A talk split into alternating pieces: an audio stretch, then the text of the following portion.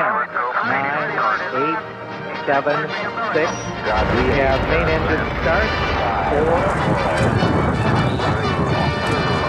And liftoff. Halo, Paulina Kirszke, podcast Kobiety jak rakiety. Jest ze mną dzisiaj, bardzo się z tego cieszę, bo pierwszy raz nagrywam na żywo, ponieważ Justyna Tomczak-Boczko powiedziała, że tak woli. Zdecydowanie wolę rozmawiać face to face, a poza tym po półrocznym siedzeniu w domu naprawdę chcę się spotykać z ludźmi. Bardzo słusznie, bardzo się cieszę. Justyna Tomczak-Boczko, aktorka, lektorka, nauczycielka hiszpańskiego, tłumaczka, doktorantka lingwistyki na Uniwersytecie imienia Adama Mickiewicza. To się nie zmieniło. Jeszcze nie, jeszcze, jeszcze nie skończyłam. W latach 90. związana z teatrem Strefa Ciszy w Poznaniu, z teatrem ósmego dnia później. No i zaczęłyśmy, yy, znaczy w zasadzie ja, pomyślałam sobie o Tobie, że świetnie by było Ciebie zaprosić do podcastu z uwagi na to, że ktoś do mnie powiedział w trakcie lockdownu, no i widzisz, całe życie w dresach. I ja sobie pomyślałam, ja gdzieś to już słyszałam, to całe życie w dresach. I potem y, przypomniałam sobie, gdzie. To tytuł Twojego spektaklu, monodramu, Twojego autorstwa. W ogóle jak zaczął się lockdown, to z moimi znajomymi, którzy mają taką samą sytuację jak ja, czy mają niepełnosprawne dziecko, śmieliśmy się, no to teraz cały naród poczuje, jak to jest być nami. Czyli nie możesz wyjść, kiedy chcesz, e, jesteś e, no, uziemiona, uziemiony, ale głównie kobiety jednak. E, wszystko staje się trudniejsze. To był monodram, który, znaczy to jest monodram, bo cały czas go gram i mam nadzieję, że teraz wrócimy do tego, e, który powstał z potrzeby wygadania się. Mm, ktoś mi kiedyś pytał, mm, czy to była misja. Mówię, nie, no nie miałam po poczucia misji, że coś, bo, bo zresztą ja nie lubię takich dydaktycznych rzeczy w teatrze, e, ale miałam potrzebę po prostu wyjścia do ludzi. Bardzo długo siedziałam nawet nie w domu, ale i w szpitalu i w ogólnie w takim odosobnieniu. Czułam się jak po długim wyjeździe za granicę, w ogóle jak się spotykałam z przyjaciółmi z tych teatralnych środowisk. Więc dla mnie zrobienie tego spektaklu to była kwestia wyjścia do ludzi, zrobienia czegoś dla siebie też. I to zrobiłam na 40, to był mój prezent. To naprawdę było dla mnie ważne, że znalazłam tą przestrzeń, ten czas yy, i w bardzo krótkim czasie to zrobiłam ale nie sądziłam, że to będzie taki duży sukces, że będziemy tak dużo jeździć z tym i że już piąty rok zaraz będzie, jak gramy to. E, mówię gramy, bo to oczywiście ja potrzebuję też ekipy, która mnie wspiera technicznie i e, logistycznie i menadżersko, żebym w ogóle grała, bo nie, nie byłabym w stanie tego wszystkiego ogarnąć. E, no a tytuł to jest w ogóle ciekawostka, ponieważ ja, zanim powstał spektakl, to ja już gdzieś tam myślałam, ktoś mnie namawiał na książkę, ale książka to jest dla mnie chyba za duże przedsięwzięcie. Za duża forma. za duża forma. I na jednym z turnusów rehabilitacyjnych powiedziałam, tak siedzieliśmy sobie przy herbacie czy tam kawie i mówię, wiecie co, tak myślę, żeby coś napisać i tytuł już mam. Całe życie w dresach, a wszyscy, no przecież to jest cała prawda. No właśnie tak jest, całe życie w dresach. Masz dresy domowe i dresy wyjściowe i po prostu przeskakujesz. I nie wiesz, kiedy ty jesz, tak? No, nie widać tego. Nie, dresy się rozciągną do każdego rozmiaru, jak mówię w spektaklu.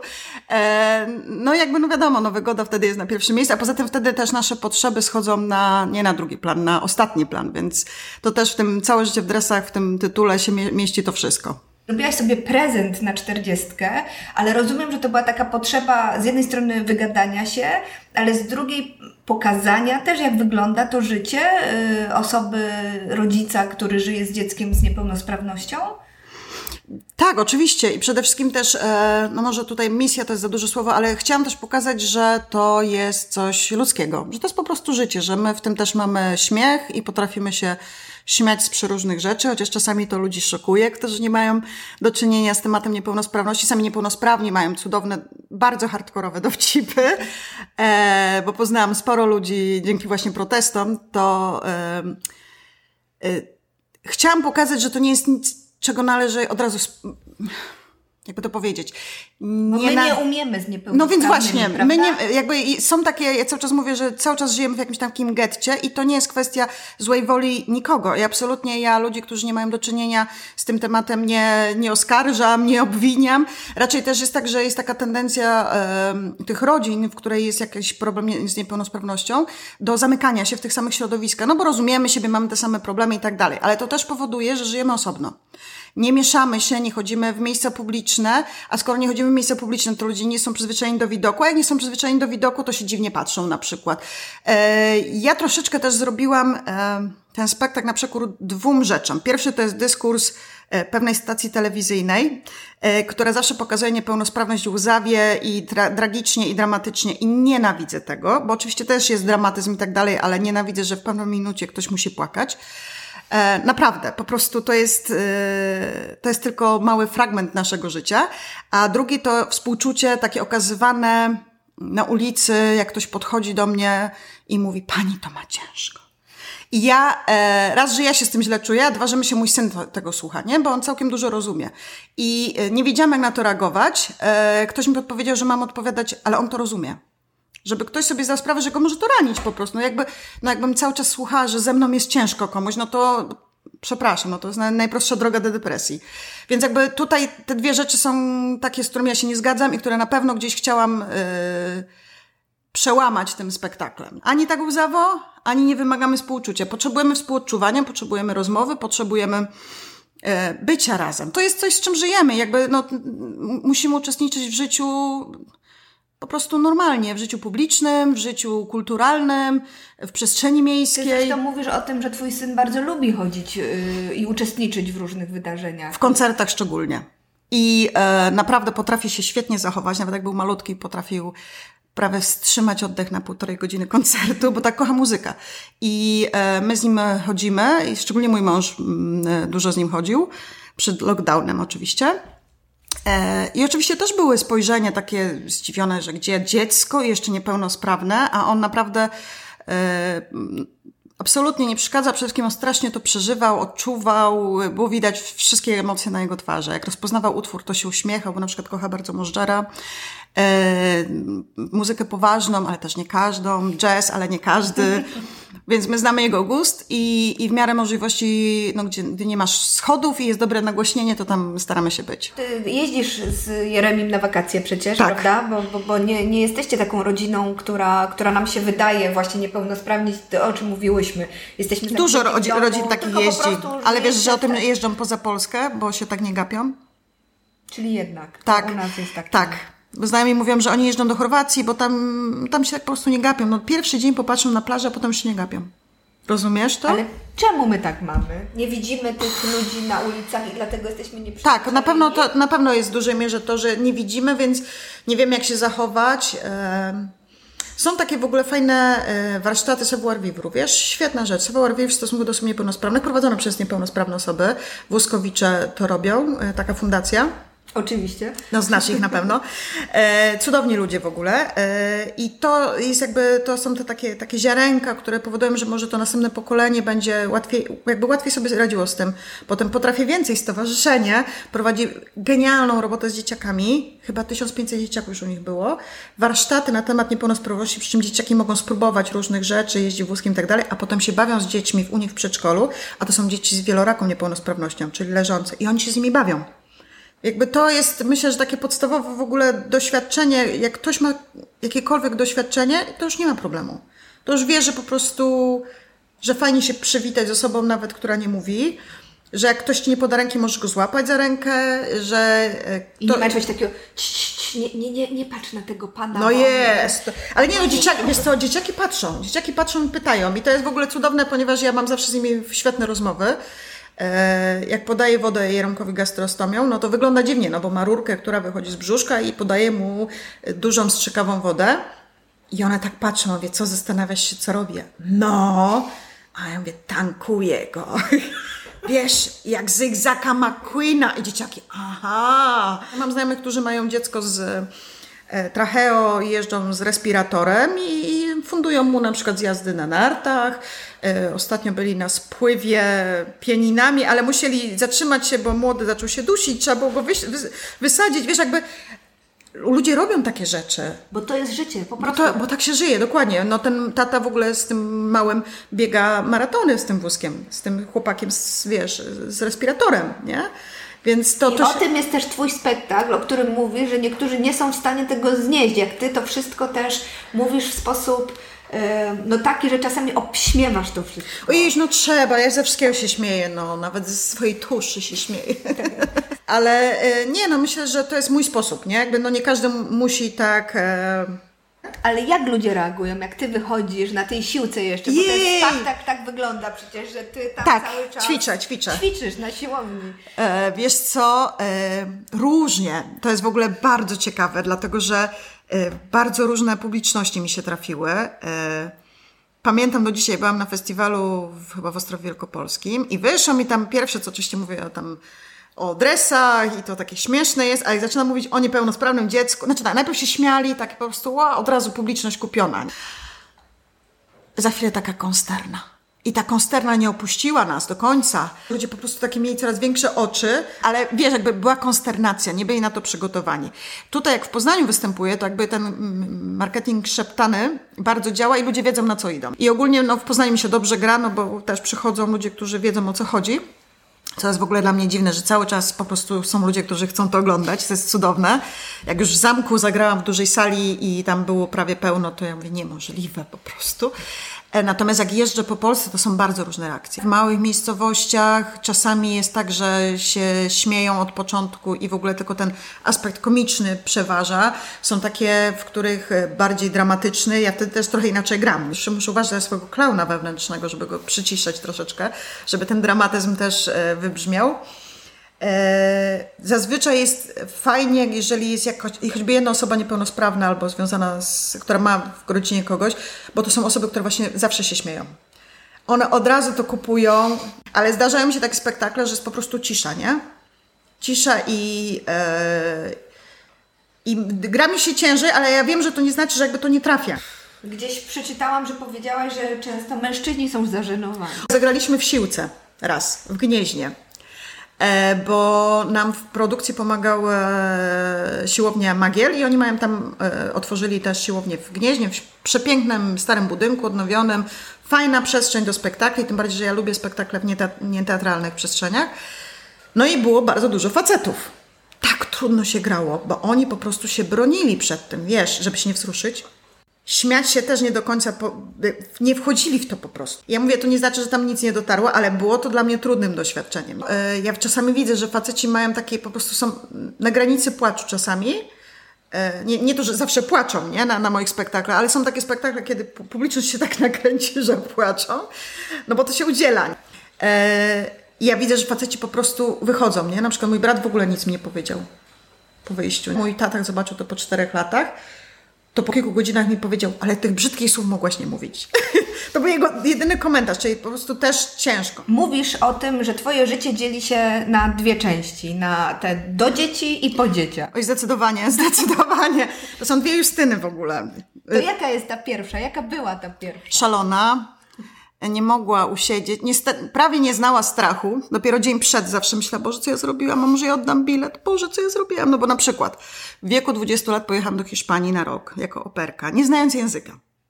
Tak po prostu sobie wymyśliłam. Wymyśliłam Albo sobie, że... przeczytałaś książkę, jak gdzieś wyczytałam, że... E, przeczytałam e, Hemingwaya. Tak. E, Komu bije dzwonek, miałam 16 lat i stwierdziłam, że nauczę się hiszpańskiego, że to musi być coś niesamowitego. No a ponieważ w latach tam 90. jeszcze nie było za bardzo języka hiszpańskiego, nie było tych kursów, no to co Justynka wymyśliła? No pojedzie sobie do tej Hiszpanii, Rodzicom ostatnio powiedziałam, że byli bardzo dzielni, że mi na to pozwolili. A moja mama mówi, ale ty nas nie pytałaś o zdanie, ty nam oznajmiłaś. Co ja ich postawiłam przed faktem dokonanym, więc to było szale, szaleństwo. To był bardzo trudny rok, w ogóle strasznie trudny rok. I finansowo, w ogóle nie, i językowo, i ludzko, i, i tam nie. Znaczy polecam, żeby dojrzeć, ale ogólnie nie, mojemu dziecku już nie proponuję takich rzeczy, mojej córce. E, no i potem były też Anglia nielegalnie i potem znowu były jakieś e, praktyki dziennikarskie zrobiłam w Madrycie e, i to też było na takiej zasadzie, no dobra, muszę zrobić praktyki, to jest miesiąc wakacji z trzech, to szkoda czasu. A jeszcze z teatrem wtedy dużo jeździłam, więc musiałam to wszystko zmieścić w tych trzech miesiącach. To napiszę do Hiszpanii i dostałam się do największego radia państwowego gdzie wszyscy się dziwili, co ja w ogóle tam robię, bo tam są normalnie konkursy, żeby dostać się na, na praktyki. No i znowu pojechałam do miasta, którego nie znałam, nie znałam nikogo, z plecakiem. Wylądowałam i poprosiłam pana o gazetę, bo to przed internetem. Młodzi ludzie, niech sobie to. Kupiłam gazetę na dworcu z, z, informa- znaczy z ogłoszeniami o wynajmie. I do tego mapę i sobie rysowałam. Gdzie najlepiej? Gdzie najlepiej, przy czym dokładnie nie wiedziałam, gdzie jest radio. Ja mówię, Boże, jak mi ktoś wkręcił przez ten internet i się okaże, że ja nie mam tych praktyk. I to, ale to już myślałam i będąc tam. Tak? To jakby o to, o to chodzi, jak, jak miałam, jaką miałam, miałam większą odwagę niż rozsądek wtedy. No ale to ogólnie to było, no, bardzo procentowało, bo przez te 10 lat między 20 a 30 rokiem życia to jeszcze mieszkałam w Meksyku i też na, tam pojechałam na stypendium, też wylądowałam na zasadzie takiej ojej, ojej, to ja teraz jestem 25-milionowym mieście i muszę się odnaleźć. Więc. Jak ci poszło? Świetnie. Ja zawsze po prostu znajduję fajnych ludzi, naprawdę. E, nie, naprawdę w ogóle Meksyk pod względem ludzkim to jest cudowne przeżycie. E, do dzisiaj trzymam kontakty z tymi ludźmi. Tak, tak mi tam dobrze było. E, no i potem zaczęły mi się rodzić dzieci. I no, wyjazdy się skończyły, ale to nie tylko była kwestia e, tego, że nagle się stałam mamą kwoką, tylko też z pierwszym dzieckiem miałam duże problemy zdrowotne, więc jakby. Yy, chociaż też jeszcze pojechała ze mną do Meksyku na miesiąc. Z Polą. Z Polą. Z Polą miałam też duże problemy, miałam, miała się urodzić martwa przeszła operację mózgu, ją rehabilitowałam i tak dalej, jest zdrowa i sprawna, no ale to, co przeżyłam przez te tam dwa lata, to, no, to była ciężka sprawa. Eee, zresztą zakończona depresją, o czym też za bardzo nigdy nie mówiłam publicznie, ale, ale myślę, że warto to mówić tym wszystkim mamom, które tak, takie są dzielne. Że jak się jest takim dzielnym i tak się trzyma te emocje w takim szybkowarze bez gwizdka, to to w końcu wywali po prostu. To mi powiedziała pani psycholog, jak trafiłam na psychoterapię, że to musiało po prostu gdzieś wyjść. Jakby byłam dzielna, dzielna i... No i... To jest ta skala już hardkorowa dzielności, tak. bo bycie z dzieckiem jednym czy drugim z problemami to jest no, coś niewyobrażalnego, ale kobiety tego gwizdka nie używają nawet kiedy mają dzieci, prawda? No, no, no niby wszystko cudownie, rodzina, mąż, tata, dziecko i tak dalej, a my i tak kisimy w sobie. I Tylko tak dlaczego nagle mi się chce płakać, nie? Tak, dlaczego mi jest tak smutno strasznie? Dlaczego nie mam siły wstać rano, nie? Dlaczego mnie nagle głowa zaczyna przez trzy dni boleć? Na, na przykład. przykład. I to są właśnie te, te rzeczy, o których też e, zaczęłam mówić publicznie, e, bo, bo myślę, że i zresztą to też mówię mamom, jak spotykam gdzieś na turnusach, mamy z dziećmi niepełnosprawnymi, mówię dbaj o siebie, błagam Cię, idź do psychologa, do psychiatry. Szczególnie ten początek jest ciężki, no bo trzeba sobie poradzić z żałobą po zdrowym dziecku, trzeba ogarnąć całe życie, nie ma totalnie przestrzeni dla, dla siebie, i mówię, jest tyle emocji, jak to wszystko się trzyma w sobie, jeszcze pół biedy, jak jest facet, nie? Ale nie oszukujmy się, podobno y, statystyki są takie, że 8 na 10 odchodzi. To jest dla mnie w ogóle szokująca statystyka, więc jest tyle rzeczy. Mówię, choćby po prostu, mówię, dobra, boisz się psychiatry, bo to jest brzydkie słowo w Polsce. Nie chcę, nie chcę leków, nie, nie, nie, w życiu. Ale no chociaż do, do, do psychologa idź, poszukaj wsparcia. To jest ciężko z, przyzwyczaić się do samego faktu, że się ma dziecko zdrowe. Tak. Bo to zmienia twój sposób życia kompletnie i przecież dopiero teraz się odczarowuje trochę to macierzyństwo, że to nie jest tak jak z obrazka po prostu, że jest tak cudownie i te dzieci są takie piękne, uśmiechnięte i w ogóle. A my mamy płaskie brzuchy. A my mamy płaskie brzuchy. Natomiast, że to już jest znój i trud i tak. łzy i pot i, i nieprzespane noce i nagle zdanie sobie sprawy z tego, że mnie nie ma. Ja sobie zaznaczyłam jeden fragment, bo to jest fragment z takiego opracowania z Uniwersytetu Łódzkiego kobiety i ich niepełnosprawne dzieci. Słuchaj, mnie nie ma. Ja po prostu w ogóle jakbym nie istniała. Nie mogę wziąć kredytu, nie mogę w niczym jakoś funkcjonować zawodu. Mam 520 zł, jestem przyrzeczona, przypisana, przystawką do dziecka jestem. Ja nazywam, że jestem e, w funkcji do. Ja to tak nazwałam. Dlatego tak walczę o swoją przestrzeń, wiesz? Jakby ja też przeszłam ten moment, kiedy sobie zdałam sprawę z tego, że nie chodzi o tą emeryturę, która prawdopodobnie będzie głodowa, bo ja teraz y, mam świadczenie jako matka niepracująca i od tego mi odciągają najmniej z możliwych, więc mam 100 zł przewidziane na emeryturę. I jest takie przekonanie właśnie, ja też miałam takie, mnie nie ma, mnie po prostu nie ma, ja tylko muszę to wszystko zrobić. I... E, ale ty się na to nie zgodziłaś. Ja się mega na to nie zgadzam. Ja po prostu w ogóle buntuję wszystkie kobiety, te co mają zdrowe dzieci też. Kolega mojej przyjaciółki to w pewnym momencie powiedział, że ty się nie będziesz z Justą spotykać, bo ona miała bliźniaki. Musisz wymóc, że dwa razy w tygodniu masz swoje zajęcia, wychodzisz po prostu yoga, cokolwiek robisz dla siebie. I ona wracała taka nabuzowana, mówiła mężowi i on mówi, to przez Justynę. A to było wiele lat temu, bo nie wiem, już ponad 10.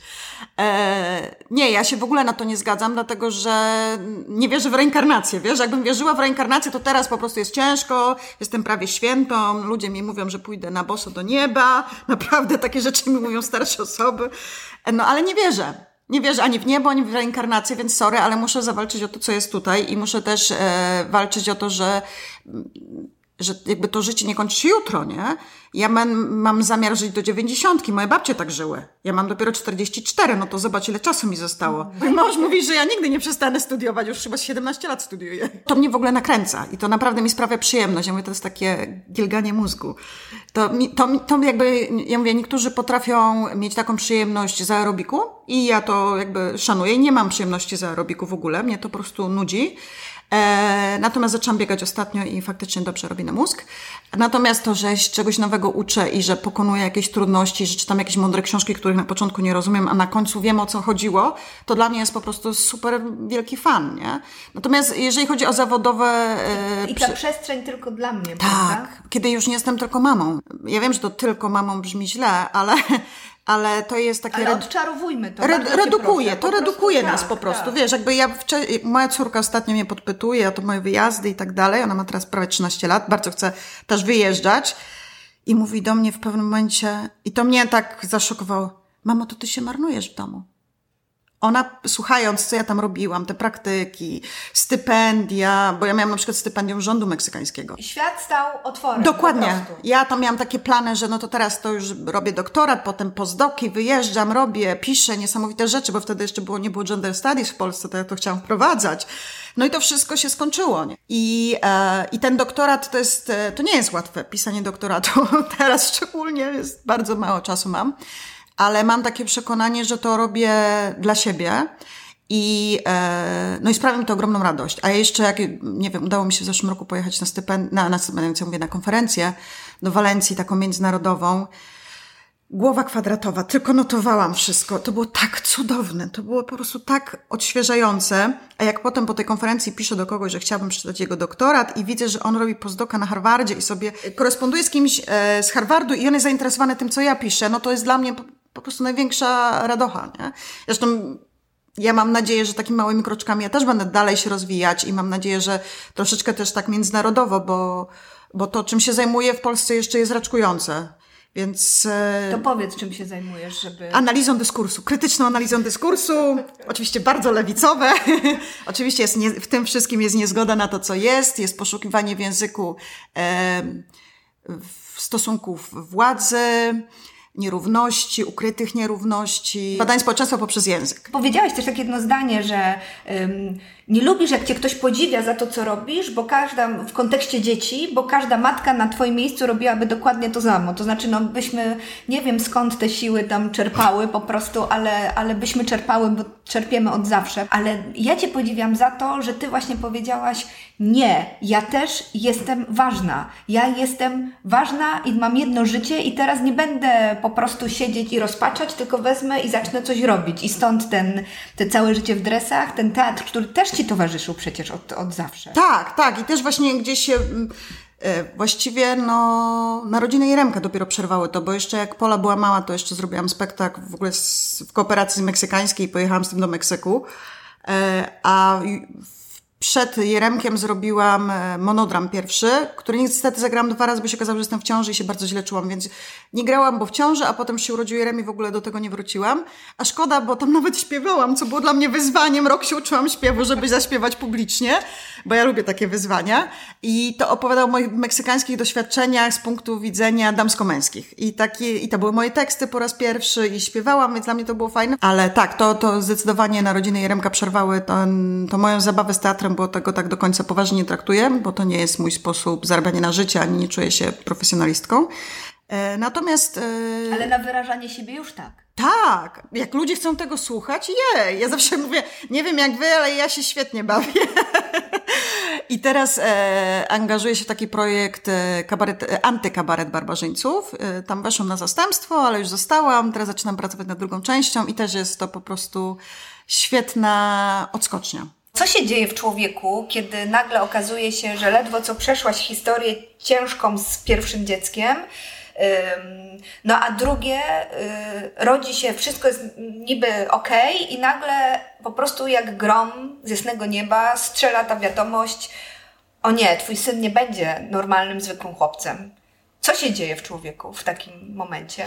Ja pamiętam dokładnie, kiedy pani doktor mi powiedziała o tym. E, ja miałam cesarkę, leżałam. Mój mąż poprosił lekarzy, żeby nie mówili mi jeszcze. Jemu już powiedzieli.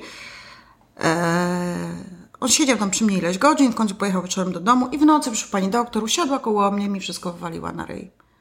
I mówię na ryj, dlatego że ona nie miała żadnej empatii i jeszcze tym bardziej, że mój mąż prosił. To ona mogła chociaż poczekać, że mój mąż przyjedzie, będzie ze mną. Więc moja pierwsza myśl była taka, że ja wyskoczę przez okno, ale nie mogłam wstać, bo byłam znieczulona, wiesz? Przysięgam ci, jakby to jest coś... Myślę, że łatwiej znieść myśl o tym, że się jest samemu chore, chorym czy chorą, E, niż e, że twoje dziecko jest chore. Więc jak usłyszałam, to mówiłam tylko nie mózg, tylko nie mózg, tylko nie mózg, wszystko tylko nie mózg. Więc, e, więc tak się dowiedziałam. To tak w ogóle e, uważam, że to jest bardzo źle zrobione to było. E, no i to nie jest proces, który trwa miesiąc czy dwa. To trwa latami, aż się dochodzi. Ja nawet nie wiem, czy do akceptacji, bo to jest trudno nazwać akceptacją. Po prostu Może do akceptacji tego, że to jest po prostu. Bo to nie jest taka tam akceptacja, a, że super, fajnie, nie? Ale no to jest długi proces. I jest też e, oprócz tego pier pierwszego szoku i mm, ogromnego bólu, bo to jest taki po prostu jakbyś splot słoneczny dostała, to jest taki moment, kiedy po prostu wściekasz się, czemu ja? Bo to, to mi się wydaje, że mm, no, każdy człowiek w sytuacji krytycznej mówi, ale kurde, dlaczego znowu ja? Wiesz, jakby, dlaczego, nie wiem, ktoś inny, dlaczego to nie jest równo rozłożone, nie? No jakby, wiesz, no najpierw przeszłam z Polą naprawdę ciężkie momenty, że przeszliśmy razem. Potem to, jeszcze w międzyczasie, wcześniej mieliśmy wypadek samochodowy poważny, więc jakby i to było wszystko w kilku latach, nie? Mieliśmy takich siedem lat, jeszcze mój mąż miał zawał i w ogóle po prostu siedem lat takie mówię, no niemożliwe, żeby po prostu jeszcze to. I nie? co jeszcze? I co? Się... Jeszcze, no po prostu. Więc pamiętam, że krzyczałam w samochodzie. Miałam taki moment, kiedy krzyczałam w samochodzie i miałam też taki moment, że chciałam iść do psychiatryka, żeby po prostu mi dali leki, żebym nie czuła. E, czego oczywiście nie zrobiłam, no bo musiałam się zająć Jeremkiem. Nie wiem, czy to byłoby w ogóle efektywne, szczerze mówiąc. Natomiast miałam takie myśli, że przyjeżdżam koło psychiatryka, mówię, Boże, jakby mnie tak zabrali i mi po prostu dali leki, żebym tego spała. Co w zasadzie, yy, co w zasadzie twojemu synkowi jest, jest mhm. bo mówiłaś gdzieś, że można by jego chorobą obdarować w zasadzie tymi jego dolegliwościami z kilka osób i wszystkie by miały przechlapane. Co najmniej. E, ja złapałam wirusa cytomegalii, który jest bardzo popularny. To jest taki wirus jak po prostu przeziębienie. E, podobno 80% ludzi ma już przeciwciała, ja widocznie ich nie miałam. Nie przeszłam tego wcześniej. I u dorosłych, czy nawet u dzieci, to jest po prostu katar, kaszel, 3 dni i jest ok. Natomiast jeżeli się złapie na początku ciąży, to bardzo uszkadza po prostu płótno. I musiało to być na początku ciąży bez mózgu uszkodzone u Jeremka. E, I, no i w związku jakby z tym, że ta, to uszkodzenie było od początku, no to te wszystkie jego, e, wszystko co się z nim dzieje jest następstwem tego wirusa. E, więc no przede wszystkim ma czterokończynowe porażenie mózgowe, czyli mm, no nie siedzi nawet samodzielnie, nie mówi. A ma w tej chwili? 9 lat. 9 lat. Nie mówi, ale słyszy i widzi, co jest dużym plusem. Co to megali jeszcze dzieci do tego nie widzą, nie słyszą, więc są już w ogóle odcięte od świata, zostaje tylko dotyk. To sobie w ogóle tego nie wyobrażam. No i w związku z tym wszystkim to Jeremi ma jeszcze padaczkę lekoporną, która bardzo hamuje jego rozwój i która no, jest straszną chorobą, e, bo nie ma na to lekarstwa tak naprawdę e, u Jeremka. Pójdźmy od góry, bo ja zawsze jak mam wymienić wszystko, to muszę tak pomyśleć. Więc tak, ma mało głowie, czyli mózg mu nie urósł dostatecznie, no ma jakąś tam wadę wzroku, E, w związku z niepełnosprawnością ma refluks, który go strasznie boli i tam walczymy z nim i z nadżerkami i tak dalej. No nie siedzi, e, nie połyka wody, więc ma gastrostomię. E, dalej, ma zwichnięte biodra, bo to jest wynik porażenia mózgowego. E, co tam dalej? Ogólnie ma spastykę taką, że trzeba codziennie z nim e, ćwiczyć, rozluźniać, bo go po prostu bolą mięśnie całego ciała, bo to się napina całe ciało. Że jakby to jest tyle rzeczy związane łącznie z tym, że nie siusia wystarczająco często, ponieważ tam jest spastyka mięśni, a jak nie siusia, to teraz mamy jeszcze kamień na nerce. Więc jakby wiesz, to jest, e, no. To faktycznie można by to podzielić na spokojnie na poznania. 10 osób i każda by chodziła do lekarza raz w miesiącu, nie? Więc jakby też sztab lekarzy, których potrzebujemy, tych specjalistów jest ogromny. Dlatego tak źle e, zniosłam ten lockdown, chociaż na początku mówiłam, że no to teraz wszyscy wiedzą jak to jest. Natomiast to, że do pediatry do dzisiaj nie mogę się dostać i jest tylko przez telefon jest dla mnie no, absurdem i, i skandalem tak naprawdę. Jak wygląda Wasz dzień? Taki zwykły, że powiedzmy nic nie wydarzyło się strasznego, ale Mhm. masz taki zwykły dzień, gdzie musisz wstać i co? I podać leki. To jest pierwsza rzecz, którą e, robię, bo leki na padaczkę poda- muszę podać jako pierwsze. No i nie mogę zapomnieć. To jest, nie ma zmiłuj. My z mężem zresztą e, zawsze się upewniamy, czy druga osoba nie dała leków, bo z kolei jakby się zdublowały, no to też lądujemy na ojomie nawet, nie? Bo to są bardzo mocne leki, to są psychotropy. Potem dostaję leki na reflux, oczekujemy i jemy śniadanie. I śniadanie może trwać 10 minut, a może trwać godzinę. Zależy jak bardzo reflux danego dnia mu do, dokucza. Potem jest krzątaning, to moja siostra wymyśliła. E, No i ja, kiedy krzątam się i robię różne rzeczy, no to muszę je rękę zająć, nie? My teraz wprowadziliśmy już ponad rok temu e, komunikację alternatywną, czy ją sobie wybiera, czy chce coś na komputerze, czy chce książki oglądać, czy słuchać muzyki, czy po prostu poleży, bo czasami się drzemnie. A jaka jest ta komunikacja między wami? Rysunki, Tak wiesz, i on mi wzrokiem pokazuje. Dlatego, że on nie jest w stanie rączką, niestety. E, Rączki ma to totalnie, no nie, nie kontroluje ich totalnie, bo jak bardzo chce, to się tak napinają, że nic nie zrobi, więc to jest w ogóle, spastyka to jest w ogóle straszna rzecz, bo na to też nie ma le- lekarstwa. I, e, I mamy rysunki i ja się pytam, Jerem, i ja jeszcze też mus, muszę pomyśleć, co on może, a jak on mi na nic nie patrzy, mówię, to może coś innego mu zaproponuję. E, jest to o tyle trudne, że no, przez tą padaczkę on nie zawsze jest po prostu w stanie e, tak łatwo pokazać. Ale często mówię, dobra, Jeremi, widzę, że nie możesz, poczekam chwilkę, poczekam chwilkę i pokażesz mi jeszcze raz, nie? No i najfajniejsze jest to, że po prostu on się strasznie cieszy, kiedy może wybrać. Bo czasami mu też narzucam, dobra, Jeremi, to usiądź, a ja ci puszczę wyścigi samochodowe, bo muszę iść wziąć prysznic, a wiem, wyścigi samochodowe to jest najlepsza rozrywka i wiem, że wtedy on będzie dobrze oddychał, ładnie siedział, bo go też nie mogę za bardzo zostawiać samego, nie? Bo, bo, bo tam się takie różne rzeczy oddechowe niefajne dzieją i muszę po prostu go mieć na oku. E, więc jakby to jest tak, że ja cokolwiek robię w domu, ja go muszę mieć na oku. Czyli on jest na wózku i się przemieszcza ze mną w domu. To, co ja robię, to on uczestniczy mniej lub bardziej. Mówiłaś o tym e, krzykach w samochodzie, tej, tej takiej niezgodzie, tym, ale czemu mi się to wydarzyło, Mhm. przecież e, no, czym zawiniłam. Ale mówisz o tym, że, się, że jakby nazwałaś to tak zgrabnie pech. Tak, no bo wiesz co, pech. Że nie szukasz winy, nie, nie szukasz celu, sensu, ym, no bo co tu zrobić w zasadzie w Wiesz co, no, no są osoby, które e, idą w kierunku wiary. Też znam takie osoby. Szukają sensu, jednak Szukają uzasadnienia, Tak. wiesz, bo to jakby ciężko znaleźć sens, wiesz, w cierpieniu. Jeszcze cierpieniu dziecka. W ogóle, no ja nie potrafię. Natomiast są osoby, które idą bardzo, że tak Bóg chciał i, jakby wiesz, taka droga, taki krzyż i tak dalej. Okej, no jakby jeżeli im to pomaga, Okej, dla mnie, em, dla mnie to na pewno nie było wyj- wyjściem. Ja zresztą doszłam do ateizmu na turnusach rehabilitacyjnych. Wiesz, jak obejrzałam naprawdę, wysłuchałam tyle historii takich, takich bez sensu, wiesz? Takich, że mama poszła na spacer z dzieckiem, szła poboczem i wjechał w nich samochód i dziecko jest totalnie niepełnosprawne z padaczką lekoporną, brak, brak kontaktu do tego, nie? E, Więc jakby, wiesz, słuchasz takich historii i mówisz tak, nie, no tutaj po prostu, no nie ma uzasadnienia, nie ma sensu, jakby, no i ja doszłam do wniosku, no to nie ma Boga, po prostu, wiesz, jakby i jestem teraz Nie zdeklarowaną... mógłby być tak okrutny. Dokładnie, więc ja jestem zdeklarowaną ateistką e, i ja nie szukam, e, dlaczego mi się to wydarzyło, no bo nie znajdę odpowiedzi, więc stwierdziłam, zresztą mi lekarze powiedzieli, no pech. No po prostu, no zdarzyło się, wirus złapany, ja wtedy w ogóle jeszcze nie jeździłam nawet autobusem, tylko rowerem, słuchaj. I złapałam tego wirusa, bo ja już po tej pierwszej ciąży bardzo się bałam o drugą, więc nie pracowałam już z taką ilością ludzi jak przy pierwszej ciąży. W pierwszej ciąży jeszcze byłam w Paryżu, nie?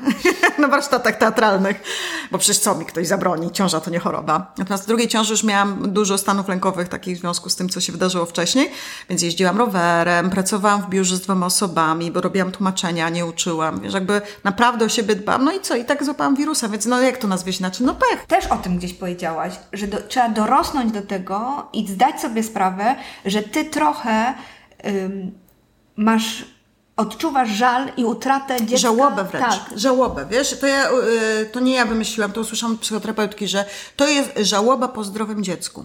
Że musisz się jakby pożegnać z tym wyobrażeniem e, tego, jakie to twoje dziecko będzie i z oczekiwaniami, jakie miałabyś mieć, na przykład, nie wiem, że będziesz się z nim bawiła w piłkę, bo, bo to jest niemożliwe. Przy czym to jest też tak bardzo długi proces. Ja znam, wiesz, spotykam ludzi, którzy mają kilkunastoletnie dzieci i jeszcze tego nie przeszli. Jakby to jest tak, że no, no, no mamy różne mechanizmy i negacja jest jednym z, z nich. E, mi to też dosyć, znaczy nam chyba zajęło rok, bo mieliśmy, pamiętam, Jeremi miał chyba cztery, nie więcej, z pół roku miał i przychodziła taka rehabilitantka i mówi do mnie, to co, to teraz o orzeczenie występujecie? A ja, jakie orzeczenie? No przecież on będzie zdrowy, nie? Tylko teraz wysiłek, wysiłek, ładujemy, rehabilitacja 8 Polą godzin się udało. Bo z polą się udało, a poza tym jeszcze miałam takie przekonanie, że im więcej zrobimy, tym będzie lepiej. No wtedy jeszcze nie wiedzieliśmy o padaczce, nie? Bo tak by padaczka najbardziej hamuje jego rozwój chyba. E, więc 8 godzin, bo przecież on musi być zdrowy, on będzie zdrowy, bo to jest tylko kwestia mojej pracy. E, no i jakby... I potem jeszcze ktoś mi powiedział takie zdanie. Nie, ja powiedziałam do mojej przyjaciółki, ja mówię, "A czego ty się najbardziej boisz? Ja mówię, wiesz, że będzie niepełnosprawny. I jak ja to powiedziałam na głos, to do dzisiaj pamiętam nawet, e, że rozmawiałam przez, nią przez telefon, gdzie leżałam, co, bo to było dla mnie takie po prostu oś, takie oświecenie. Aha, czy on może być niepełnosprawny? Ojej. I jak miał Jeremi rok, mieliśmy urodziny jego, to my z mężem wtedy stwierdziliśmy, czyli nie będzie dobrze, nie? I pamiętam, że to były najsmutniejsze w ogóle urodziny. Bo ta, ten torcik, ta jedynka, on cały czas jeszcze nawet nie trzymał głowy, zresztą teraz dopiero zaczyna trzymać głowę, ma 9 lat. Eee, I my pamiętam, że my płakaliśmy oboje, mówiliśmy, czy będzie niepełnosprawny. I potem no już zaczęłam jak, mm, od razu działać, te orzeczenia, zbieranie pieniędzy, 1% i tak dalej, no ale to rok nam zajęło. A co jest dla Ciebie najtrudniejsze teraz, tak psychicznie? Bo pewne rzeczy już sobie wiesz, Mhm. wiesz, że o czymś musisz nie myśleć, bo po prostu to do niczego dobrego nie prowadzi. Gdzieś tam takie cyk, cyk, cyk bariery sobie poustawiałaś. Nie myślę o przyszłości. W ogóle. Bo e, wiem, że przyjdzie i tak. Ale to jest pierwsza rzecz, że nie myślę o przyszłości w znaczeniu takim. e, Pewno to wszystko zorganizujemy i pewno będziemy mieli jakieś wsparcie i tak dalej, ale jeszcze dochodzi taki element, o którym nawet mi się ciężko mówi, wiesz, ale e, jak masz dziecko niepełnosprawne, musisz mieć świadomość, że ono może w każdej chwili umrzeć. I tego. Eee, no i o tym chyba nie potrafię mówić i, i no i to są takie strachy, że wiesz, wstajesz w nocy i sprawdzasz, czy oddycha, nie? To, to jest jakby, bo, bo wiem, że to się zdarza. Tak się zwalniają miejsca w tej szkole, w której on jest. Są Kwestie... takie dołki, które się omija, prawda? Tak, omija się. Po prostu nie, nie myślisz, że się od razu spięłam cała. Nie myślisz o tym, bo, bo nie, bo się nie da. Bo się nie da o tym myśleć, nie? Mogę myśleć o tym, że nie wiem, za 10 lat wyprowadzimy się do Norwegii e, i będziemy korzystać z tamtego systemu wsparcia. E, jeżeli nic nie zmieni w Polsce do tego czasu. Chciałam na koniec jeszcze No. zapytać Cię o Justynę feministkę.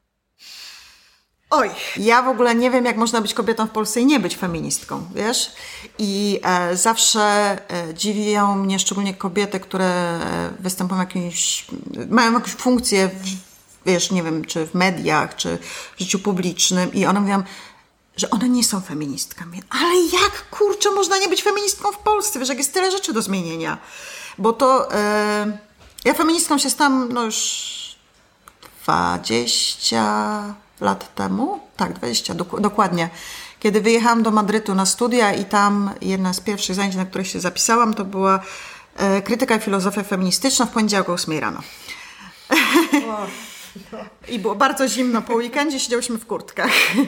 Ale były niesamowite, po prostu była kobieta filozof, e, czytałyśmy różne dzieła i szukałyśmy różnych rzeczy i Rousseau i w ogóle jakby tak mi potwierała świat, jakby e, zobaczyłam Właśnie ona, ona od, tej strony filozoficznej, a nie od strony takiej praktycznej. Natomiast potem wiadomo, no już bardzo dużo czytałam, potem przestałam czytać, bo stwierdziłam, że już się niczego nie dowiem nowego. Natomiast czytam teraz Niewidzialne kobiety i jestem powalona faktografią, e, która dotyczy również Skandynawii. Która wali tak między tak, wali między oczy, bo sobie uświadamiasz, e, że że to jest tak głębokie, nie? że to jest jakby, że to nie dotyczy tylko naszego społeczeństwa katolickiego i które, no nie oszukujmy się, pewnie ma takie opóźnienia cywilizacyjne, możemy to tak nazwać, no wiadomo, no, no, nie przeszliśmy na przykład, nie wiem, drugiej fali fe, feminizmu, no bo nie, nie, Nie dało się. rewolucji feministycznej, Nie było. Nie było rewolucji też obyczajowej, Tak. bo, bo, bo, nie, bo żyliśmy w innym systemie, to znaczy nas nie było jeszcze na szczęście. Bardzo rzadko o tym mówimy, ale przez to, że po, jednak komunizm wspierał e, pracę kobiet, to w stosunku na przykład do Hiszpanii e, mamy dużo więcej pracujących kobiet, ale też dla nas ten model mamy pracującej Tak. jest, e, ob, jakby wiesz, no Jest nasze mamy już pracowały tak. i były to, była to oczywista oczywistość, że zacytuję klasyka. No ja wierzę bardzo w pokolenie mojej córki, wiesz? I dlatego ja z nią chodzę na te kongresy kobiet, dlatego ja ją się staram wychować do tego, że, że ona może, że to jakby będzie jej wybór. Ja bardzo sobie cenię wsparcie kobiet. Jakby chyba ostatnia rzecz, którą chciała powiedzieć, że nie wyobrażam sobie w ogóle życia bez wsparcia kobiet. Z moją siostrą rozmawiam codziennie. Mam też grupę e, takich koleżanek, z którymi się spotykam w miarę regularnie i wychodzimy i wtedy zazwyczaj się strasznie dużo śmiejemy, ale też opowiadamy sobie rzeczy niezbyt fajne. Ale na końcu oczywiście ja zawsze muszę to spuentować, żeby się, żeby się pośmiać. Klaun. Ten klaun ze mnie wy, wychodzi. E, nie, nie wyobrażam sobie po prostu tego, tego życia bez tych kobiet wspierających, bez tego, żeby po prostu komuś powiedzieć, jak jest. To przyjaciółki też są do tego, wiesz, potrzebne, nie? Bardzo dziękuję. Ja też dziękuję. Do usłyszenia, zobaczenia. Po- Powiesz nam, jak już będziesz występować, żeby Tak, inni... tak, tak. Na listopad się szykuje premiera antykabaretu Barbarzyńców, a dresy jeszcze nie wiem, kiedy będziemy grać, bo to wszystko zależy od sytuacji pandemicznej. Bo Jeżeli nie zobaczymy Ciebie w dresach, to znaczy, że my będziemy znowu w dresach. Dokładnie tak. Ktoś musi być w dresach. Nine, eight, seven, six.